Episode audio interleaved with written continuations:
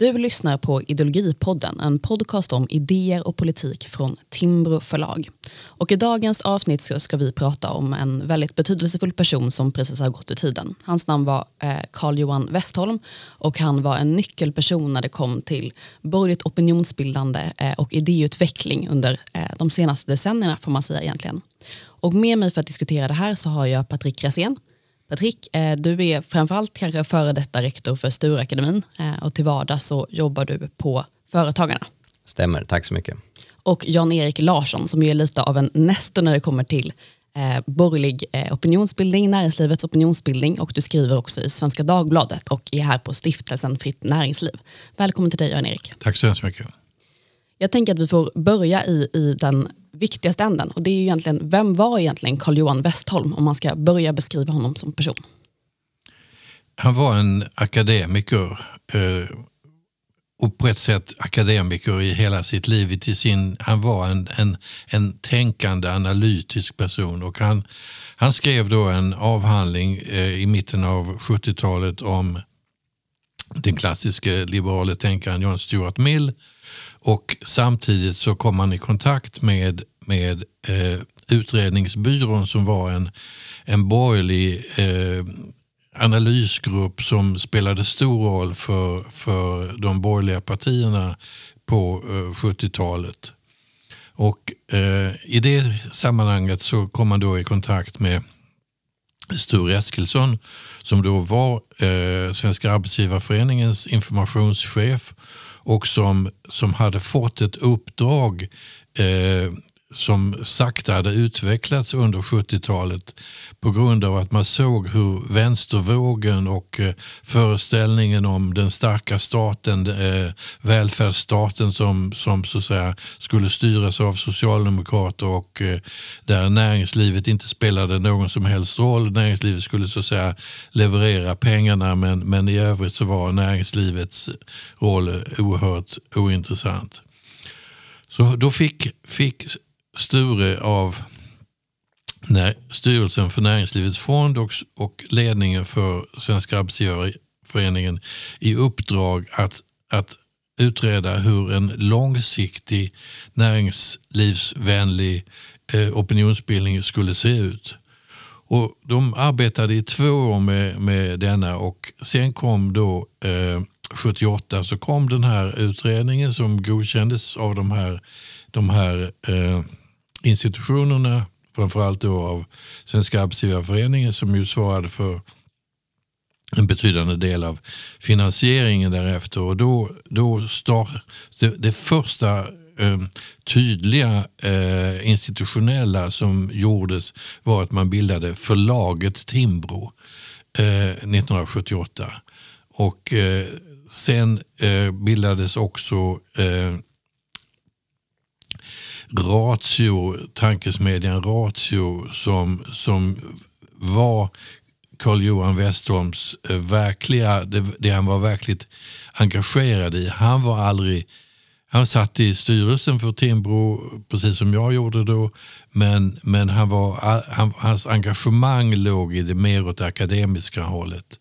Är det inte riktigt eh, Patrik? Jo, det stämmer. Han var verkställande ledamot i Ratios vetenskapliga råd där man samlade då eh, en handfull betydande akademiker. Eh, Torgny T Segerstedt, Stig Strömholm, David Magnusson, Hans L Zetterberg med flera mm, akademiker eh, från olika discipliner som kom samman och eh, eh, gav ut skrifter. Man översatte eh, klassiskt liberala skrifter från engelska och gav ut på svenska. Man introducerade, eller hjälpte till att introducera vissa utländska tankeströmningar eh, inom den klassiskt liberala sfären, public choice, ehm, eh, konstitutionella frågor, eh, haikianskt tänkande med mera. Och I det här var Karl Johan drivande som eh, verkställande ledamot i det här akademiska rådet. Sedermera har ju Ratio omformats och är idag ett eh, eh forskningsinstitut eh, som, har, eh, som fyller 20 år eh, i år. Och det egentligen är bara namnet som är eh, liknande även om verksamheten bygger på samma kanske idégrund får man säga som det ursprungliga Ratio.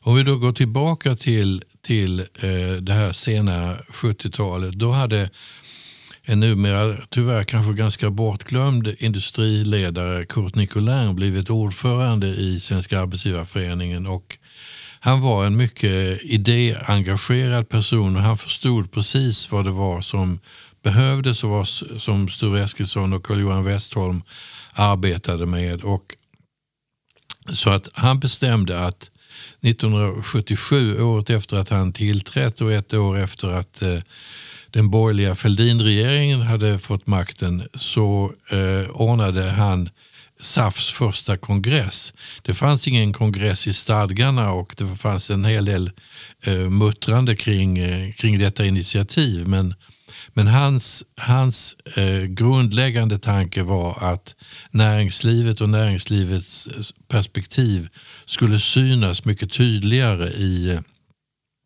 i samhällsdebatten.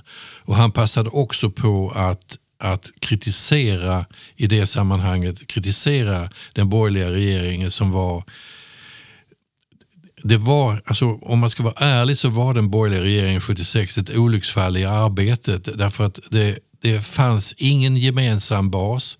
De tre partiledarna eh, Fälldin för Centerpartiet, Gösta Bohman för Moderaterna och Per Ahlmark för eh, Folkpartiet hade egentligen ingenting gemensamt och, och eh, eh, Per Ahlmark sa i ett sammanhang då att, att vi ska föra samma politik som Socialdemokraterna fast lite bättre.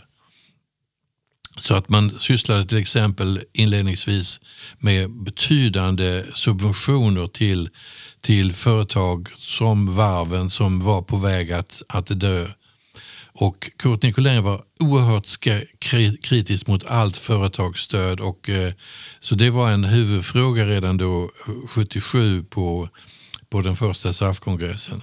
Sen arbetade inte minst Carl-Johan Westholm med nästa SAF-kongress som ägde rum 1980 som hade, hade eh, en, tycker jag, en klassiskt viktig eh, tes. Det skapande eller bevakande Sverige där, där, så att säga, där han utvecklade näringslivet och, och det dynamiska näringslivets roll i, eh, i, eh, i, i samhällsutvecklingen och eh, förklarade vikten av att, att man fick en, en, ett, ett helt annat fokus och att man inte skulle ha, vara så oerhört fixerad vid fördelningsfrågor utan det gällde att skapa och inte att bevaka.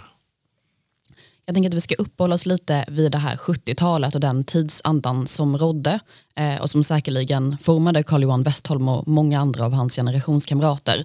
Eh, för det här är då under en tid då näringslivet hotas av löntagarfonder. Man kommer från år av kraftiga vänstervindar. 1978 så bildas det som vi idag känner som Timbro, där vi sitter nu. Eh, och bara fem år senare så sker de stora demonstrationerna den 4 oktober mot löntagarfonderna. Eh, och det finns ju en kanske ibland lite glömd historia här som handlar mycket om hur näringslivet började opinionsbilda eh, mot och utanför partipolitiken. Eh, som du var inne på Jan-Erik, man såg kanske att de borgerliga partierna inte alltid eh, gick den där extra milen så att säga för mm. att eh, skydda vissa intressen. Kan vi komma in lite på, på den här historien? Vad var det som hände de här fem åren från det? Ja, vad, vad, som, vad som hände under de, de åren är, är ju egentligen ganska spektakulärt och, och, och delvis inte så, så känt nu för tiden. Alltså, när Rudolf Meidner i ett uppdrag från LO lanserade löntagarfonder så var eh, Olof Palme partiledare och statsminister. Han var ju fullständigt ointresserad av ekonomiska frågor. Så att, så att eh, man svalde då löntagarfondsidén och den fortsatte sedan att plåga, eh, plåga eh, socialdemokratin och regeringen därför att det som hände då under slutet av, av 70-talet var ju då att, att många eh, företagare och företag lämnade Sverige. Vilket ju inte var så, så bra, det förstod åtminstone finansministern.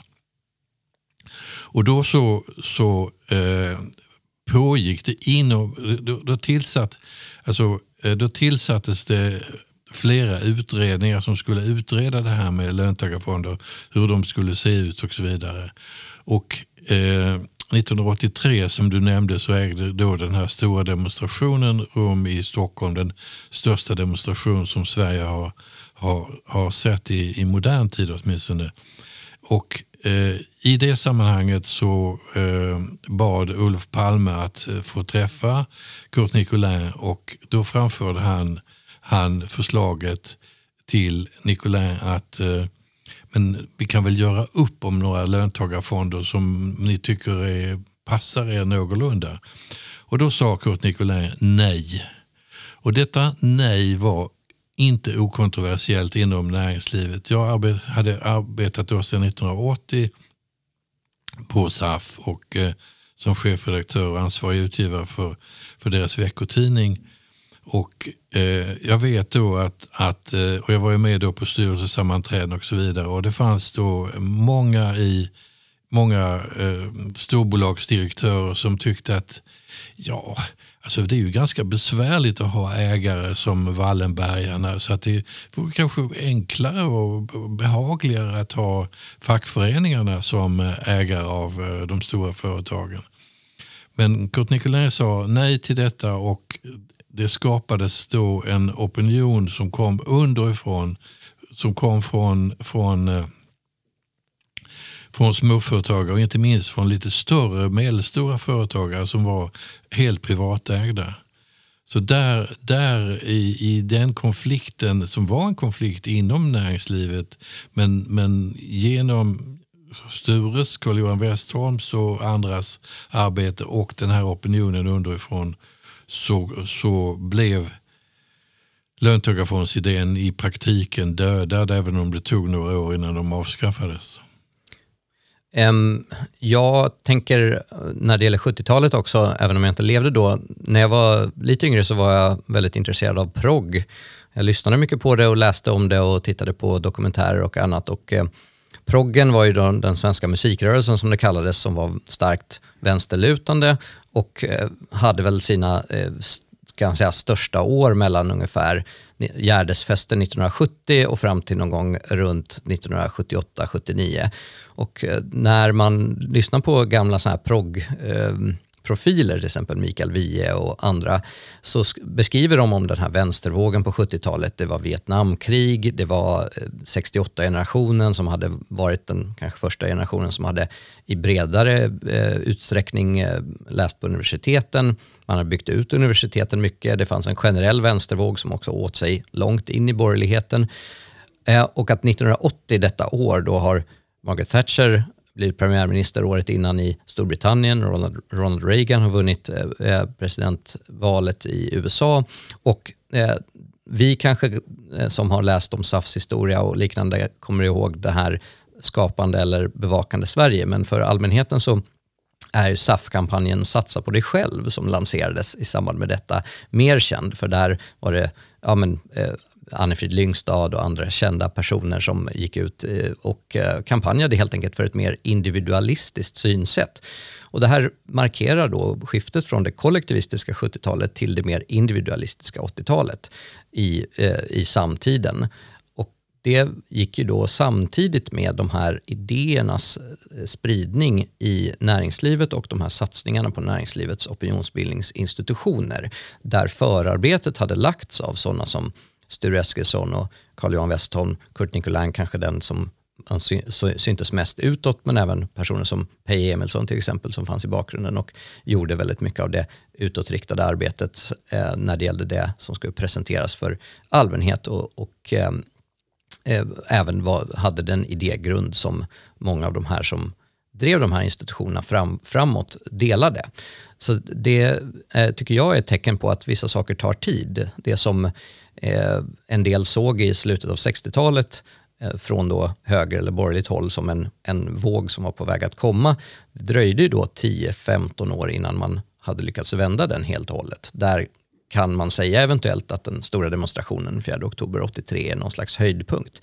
Sen om man tittar senare delen av 80-talet Eh, så ser man att socialdemokratin vänder i väldigt många frågor i sin syn på till exempel statligt ägande, skattetryck, regleringar av marknader, in, inter, internationalismen, handel. Det här har gjorts forskning om av forskare på Ratio, bland annat eh, nu i mer samtida om det politiska lärandet i Socialdemokraterna och att de här idéerna då sipprade även i den riktningen att Sverige kan inte stå isolerat med en reglerad ekonomi, devalvera sig ur kostnadskriser, ha enorma löneökningar som inte motsvarade några reala löneökningar, då skulle det till slut bli, då skulle det svenska systemet krascha. Så att man insåg nog även i Socialdemokraterna att här måste reformer göras. Och där, eh, jag vet inte om man kan dra en direkt linje till Karl-Johan och Stures arbete, men trots allt så vill jag se att man ser hur idéerna sipprade vidare bortom bara borgerligheten och näringslivet. Ja, precis. Det var kanske inte bara en slump att det skedde ett, ett ideologiskt brott mellan liksom det väldigt vänstervridna 70-talet och det individualistiska 80-talet. Jag tänker att vi ska komma in lite på just eh, det borgerliga förhållningssättet till vänstern eller socialdemokratin kanske mer specifikt. För ett nyckelbegrepp som Carl Johan Westholm myntade det var borgerlighetens diskreta skam. Eh, och när jag läste om det så tänkte jag eh, direkt på det som PM Nilsson som är politisk redaktör på Dagens Industri, det han skrev för två, tre år sedan tror jag det var, eh, om slavmentaliteten som borgerligheten ibland har gentemot socialdemokratin. Eh, den här tiden då innan, som vi var inne på tidigare, präglades kanske av en slags undfallenhet gentemot vänstern. En tro på att de hela tiden eh, ägde eh, problemformuleringsprivilegiet, du var inne Jan-Erik på eh, hur vissa inom näringslivet förhöll sig till förslaget om löntagarfonder. Eh, vad säger ni, finns det fortfarande en slags borgerlighetens diskreta skam och fanns det det då? Finns det liksom ett naivt förhållningssätt till eh, att Socialdemokraterna alltid ska ha makten? Ja, alltså det, det ligger ju mycket i det du, det du säger därför att eh, så att säga, den här svenska välfärdsstaten är ju så förknippad med, med socialdemokratin och eh, på grund av det här mycket långa maktinnehavet eh, på 1900-talet så, så, eh, så är det så att det, det finns säkert eh, en del av borgerlighetens diskreta skam eh, fortfarande. Och man, man ser det ju om, om man får, får göra ett, ett påpekande om liksom en aktuell fråga när det gäller den här frågan som just nu diskuteras om tolkhjälp. Där, där då eh, en minister omedelbart efter att man har eh, förklarat vad, vad som ska ske vänder på klacken och säger att så där kan vi nog inte ha det. Vilket, eh, vilket bara visar att man inte sett sig runt om i, i ens i Norden där, där så att säga, regleringen av tolkhjälp ser annorlunda ut än, än den gjort i Sverige. Så att det finns en, det finns en, en, en sån här diskret skam. Den, den saken är klar och det, det tycker jag är en av de intressanta frågorna med, med den nya svenska regeringen. Att se i vilken utsträckning den kommer att eh, präglas av detta eller, eller om de kommer att, eh, att kunna frigöra sig och, och så att säga, bedriva en mera eh, liberal politik. En intressant punkt i, i regeringsförklaringen var ju att, att statsministern nämnde att man skulle inrätta en, vad han kallade en produktivitetskommission precis som man gjorde för en del decennier sedan.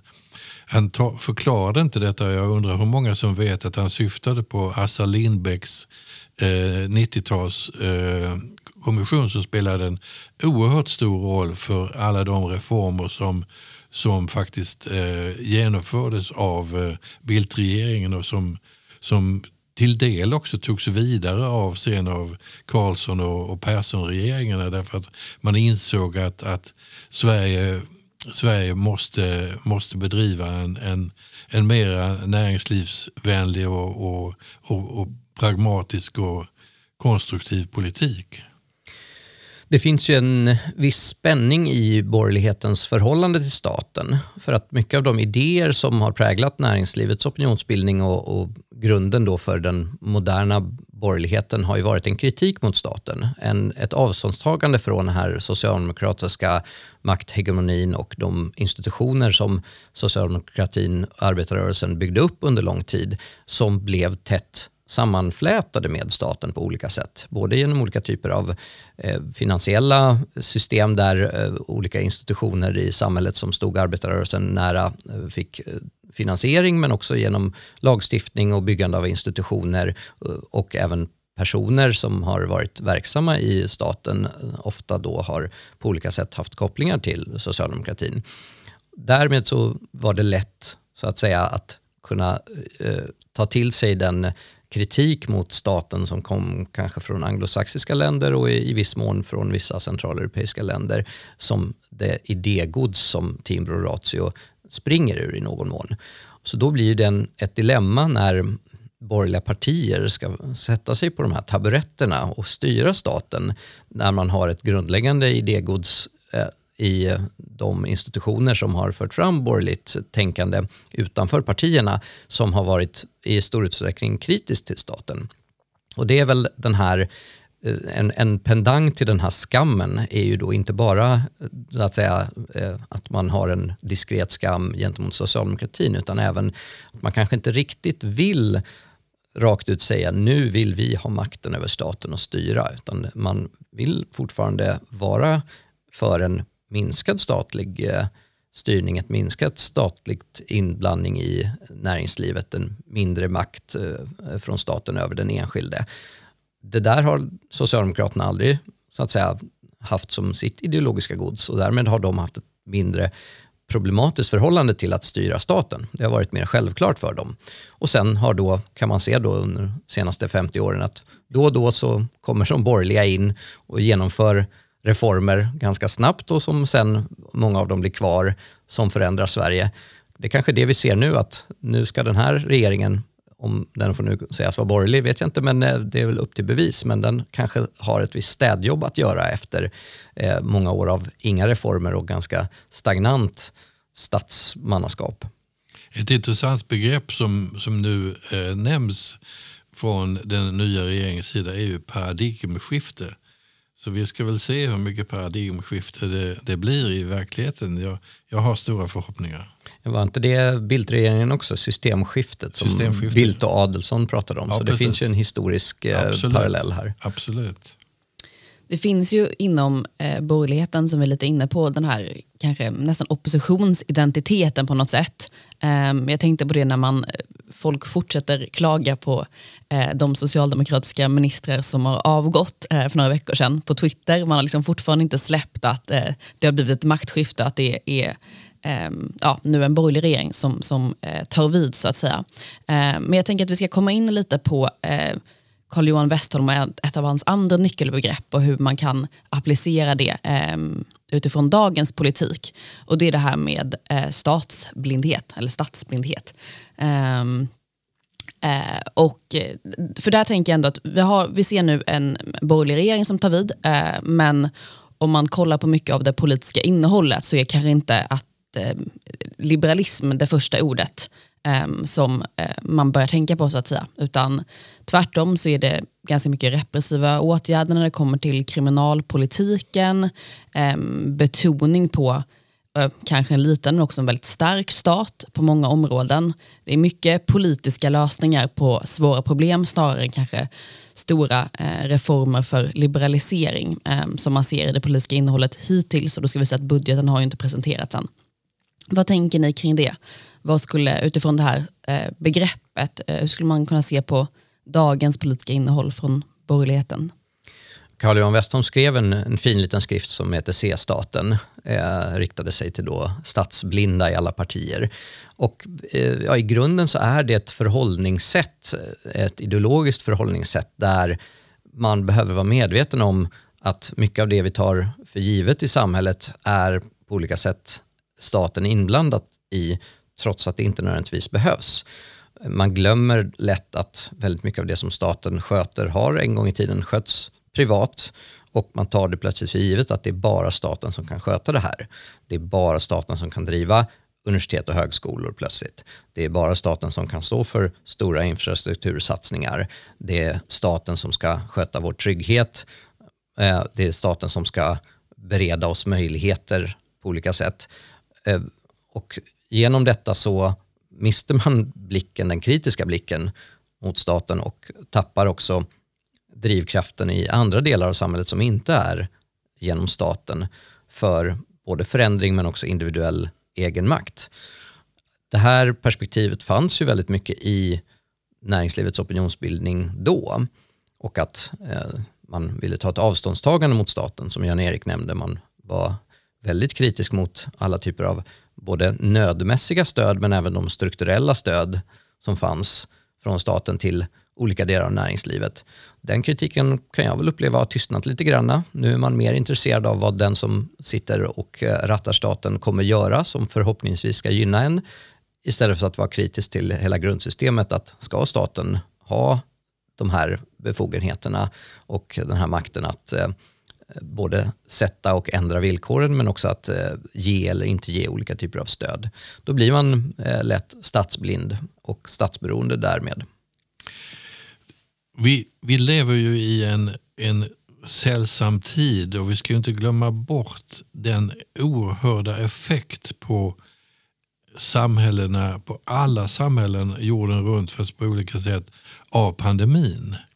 Och den, den har ju gjort att statens roll har lyfts upp på ett sätt som, som vi inte sett egentligen sen, sen eh, ja, alltså de stater som, som upplevde andra världskriget. Det, det blev ju... Och det, det gör att, att, eh, att, så att säga, det egentligen behövs ett, ett, ett nytt sätt att formulera eh, kritiken mot staten så att säga, efter pandemin. Eh, och, och vi ser ju nu i, i, i, i många västländer hur, hur man brottas med den här frågan. Se på den, eh, de problem, vi ska inte gå in på dem, men de problem som den brittiska Tory-regeringen har är ju en illustration av hur, hur, eh, hur man har eh, svårt att anpassa sig till, till en, en, en, annan, en annan tid. och eh, eh och jag tror att en del av, Amanda, en del av det du pekar på när det gäller den, den, den, den nya svenska regeringen sammanhänger med att, att det finns så att säga, rader av, av fundamentala problem som man måste hantera och som inte bara handlar om så att, säga, att, att skapa eh, goda förutsättningar för ett dynamiskt innovativt näringsliv. Så staten spelar ju en roll även idag. Vi gav bara för något år sedan ut en antologi som heter Bortom den stora staten som från början var ett antal texter i vår nättidning Smedjan eh, som handlade om allt från ja, innovation bortom eh, staten i, i civilsamhället men också behovet av kanske en starkare nattväktarstat till exempel. Eh, och det här har ju onekligen varit uppe på tapeten, eh, inte minst på grund av pandemin men också givet nu eh, kristillståndet i Europa med eh, invasionskriget som Putin bedriver i Ukraina. Det verkar finnas, så fort det finns en känsla av, av kris eh, så tar man till staten på något sätt. Eh, trots att kanske om man tar pandemin som exempel så var det ju eh, samhället bortom staten ofta som, som åstadkom väldigt mycket i att hantera eh, det här viruset. Eh, varför, finns, varför bör man krama staten så fort det känns som att båten gungar? Ja, men det är väl relativt naturligt att eh, om staten har tagit på sig ansvar i fredstid eller vad man ska säga i icke-kristid och sagt att eh, ja, men här, vi kan vara den yttersta garanten för trygghet och när det sen blir kris och otrygghet så kommer många medborgare att eh, vilja så att säga eh, inkassera det löftet på olika sätt. Det kan handla både om eh, Eh, stöd eh, i ekonomiska kristider för att företag inte ska behöva eh, konkursa och det kan handla om stöd, ekonomiskt stöd när personer förlorar jobbet men det kan också vara skydd mot främmande makt eller mot andra typer av mer internationella globala farsoter och, och kriser. En sak som jag har noterat och som väl också Carl-Johan noterade är att från EUs håll, särskilt från EU-kommissionen, har man gått från det här mer konkurrenskraft, eh, öppna upp marknader, främja handel som i alla fall fram till någon gång i mitten av 2000-talet som jag uppfattade var präglande för EU-kommissionens arbete till ett mer bevakande, mera reglerande, mera just det här nu ska vi samordna trygghetsskapande åtgärder i alla eh, Europas länder genom EU som eh, in, som på vissa sätt är förstås förståeligt att det händer men jag skulle ifrågasätta om det finns egentligen grund i de ursprungliga fördragen för denna typ av bevakande aktivism som man sett från det hållet. Och det gör ju att eh, det blir svårare för enskilda mindre europeiska länder att eh, avvika så att det har blivit en slags eh, globalisering även av det trygghetssökande och det, det statsberoende. Jag tror det är mycket, ett mycket viktigt mycket viktigt påpekande som du gör där och jag tycker det är, är mycket, mycket oroande det som nu sker i, i, inom, inom EU och jag vet inte riktigt vart, vart det ska leda. För att det kommer ju att försvaga eh, Europa på sikt. Men jag, jag, följer Ukraina så gott jag kan och inte så mycket krigsutveckling utan det jag ser av den civila utvecklingen. För Ukraina var ju före kriget ett ganska korrumperande eh, stat där, så att säga, där det inte fanns en stark stat egentligen. Utan, och det ser, man ser det i, i, i reportagen som kommer om, om så att säga, hur de vanliga ukrainska medborgarna nu agerar i det här läget som är, är det, det, är ett, det, det har skapats liksom ett civilsamhälle som är, är otroligt intressant och som, som jag hoppas att inte minst EU skulle lära sig en del av. För att koppla tillbaka till eh, Carl Johan Westholm så var det intressant när man tittar på hans eh, liv och gärning och historia så var det inte bara den här ideologiska kritiken mot staten utan han verkade ju faktiskt i civilsamhället. Näringslivets organisationer är ju en del av civilsamhället och eh, var ju fundamentalt viktig för startandet och eh, uppbyggandet av många sådana. Vi har nämnt Timbro och Ratio, men sedermera kommer han att eh, vara vd både i det nybildade Företagarnas riksorganisation i början av 90-talet och sedermera det nybildade Svensk Handel senare på 90-talet. För att inte heller glömma hans väldigt långa gärning som sekreterare i det internationella Mont Pelerin Society. Så att eh, han gjorde också eh, faktiska egna insatser för att Eh, Eh, om man inte då ska vara beroende av staten så måste man göra insatser i civilsamhället för att bygga någonting annat. Och eh, eh, i näringslivet där han då verkade så krävs det ju kontinuerligt att det finns personer som är beredda att lägga tid och möda på att bygga organisationer så att de fungerar. Det är ju ingenting som sker av sig självt. Även om när en organisation väl är på plats så kan den ju fortleva, absolut. Men jag tycker verkligen att Karl Johans liv och gärning är en, eh, ett bevis på att det krävs sådana drivna personer för att inte även etablerade organisationer ska bli eh, ja, mätta och självbelåtna och tappa i det grundläggande uppdraget. Det har gått eh, ja, drygt 40 år egentligen sedan 78, Timbros bildande och då kanske ett väldigt annorlunda Sverige eh, om man tänker på de ideologiska eh, vindar som blåste. Eh, vi var inne lite på det här med staten då, förhållningssättet till staten, eh, men också då näringslivet. Eh, Hans Zetterberg pratade om de olika sfärerna i samhället eh, där man ja, jag vet inte om man ska se näringslivet som en del av civilsamhället, men i någon mån så är det ju det. Men också kanske en sfär som man idag förhåller sig till på ett lite annat sätt, som ändå har väldigt mycket makt. Om man tar då till exempel eh, företag, eh, vi nämnde tidigare eh, om man tar till exempel, eh, Johan Norberg kom ut med en bok för eh, ungefär Eh, ett år sedan som heter Det kapitalistiska manifestet som är en fortsättning på Till världskapitalismens försvar som eh, han skrev för flera år sedan. Eh, I den boken så skriver han bland annat om nödvändigheten att företag går i konkurs. Och det här är ju någonting som är lite känsligt. Vi nämnde tidigare Eh, de eh, gamla varvsföretagen som man gärna ville hålla under armarna. Det finns hela tiden den här eh, reflexen att man ska stötta företag som kanske egentligen borde dö ut för att de inte är i tiden längre. inte det också ett förhållningssätt i näringslivet där man lite beter sig som staten eller litar på staten? Ehm, jag fick en gång en avhyvling för att jag kallade Ebba Grön för ett proggband, de är tydligen ett punkband, men de skrev den berömda raden om att eh, sida vid sida tillsammans hjälps de åt staten och kapitalet, de sitter i samma båt. Det var ju Blå Tåget, eh, ja. proggbandet som eh, Leif Nylén där som skrev den raden från början, så du helt fel hade du inte. Nej. Eh, vad, vad, säger ni om det här? Liksom? Är, det, är staten och kapitalet i maskopi? Förhållningssättet mellan näringslivet och staten?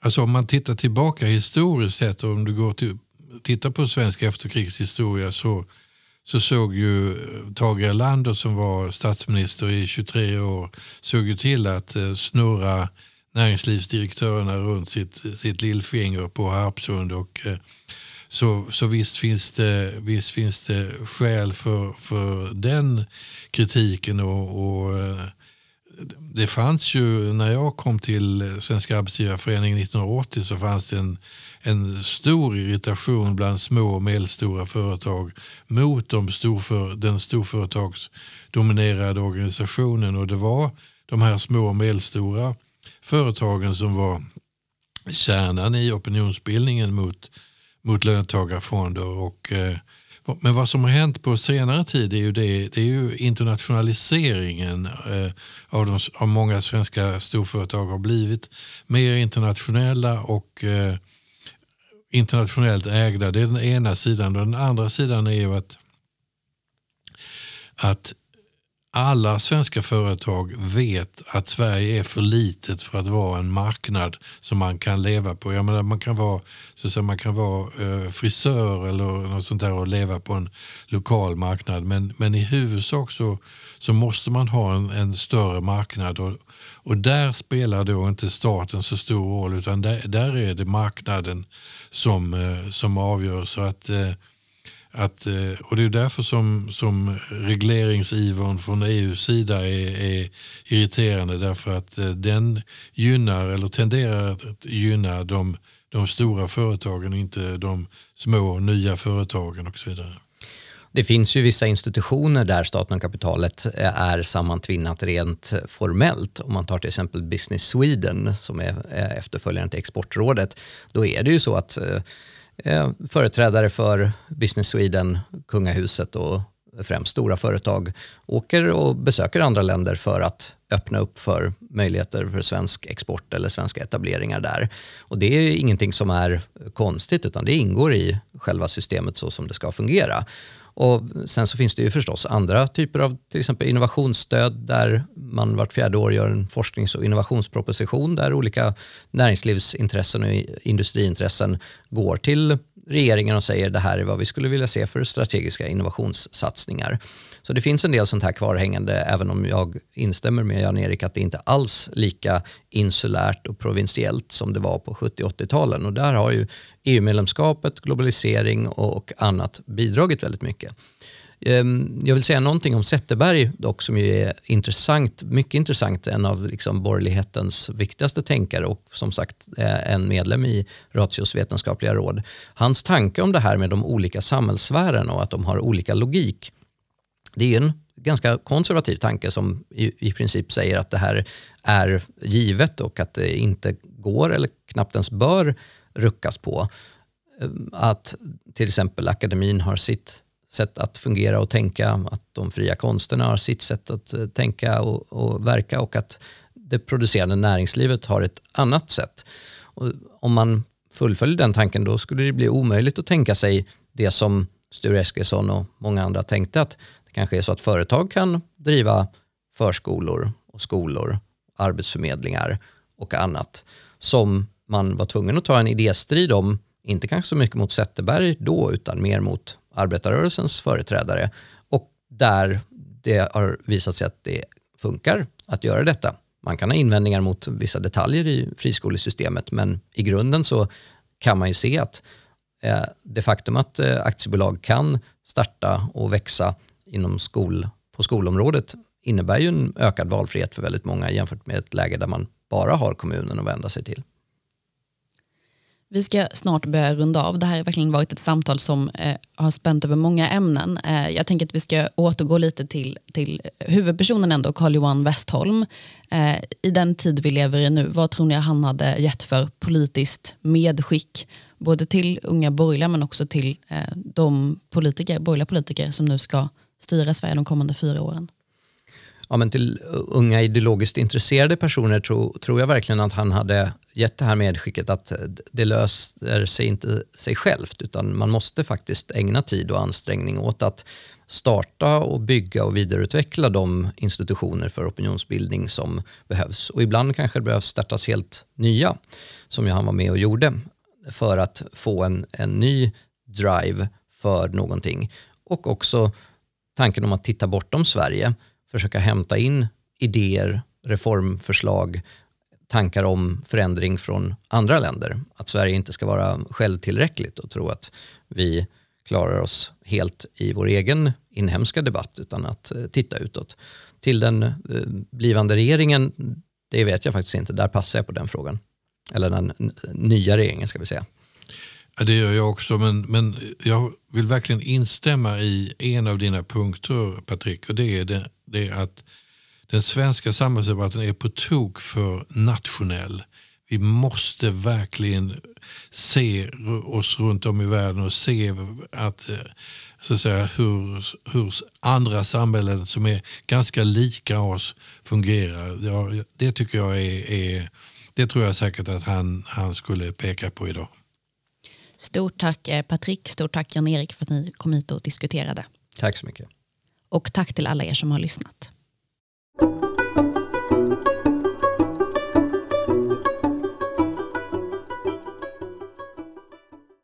Du har lyssnat på Ideologipodden, en produktion från Timbro förlag och Timbro presenterar. Inspelning och redigering av Johan Skugge, musik av Anders Meisner, Chilla Gorilla. Du hittar den här och alla våra andra poddar på timbro.se podcast.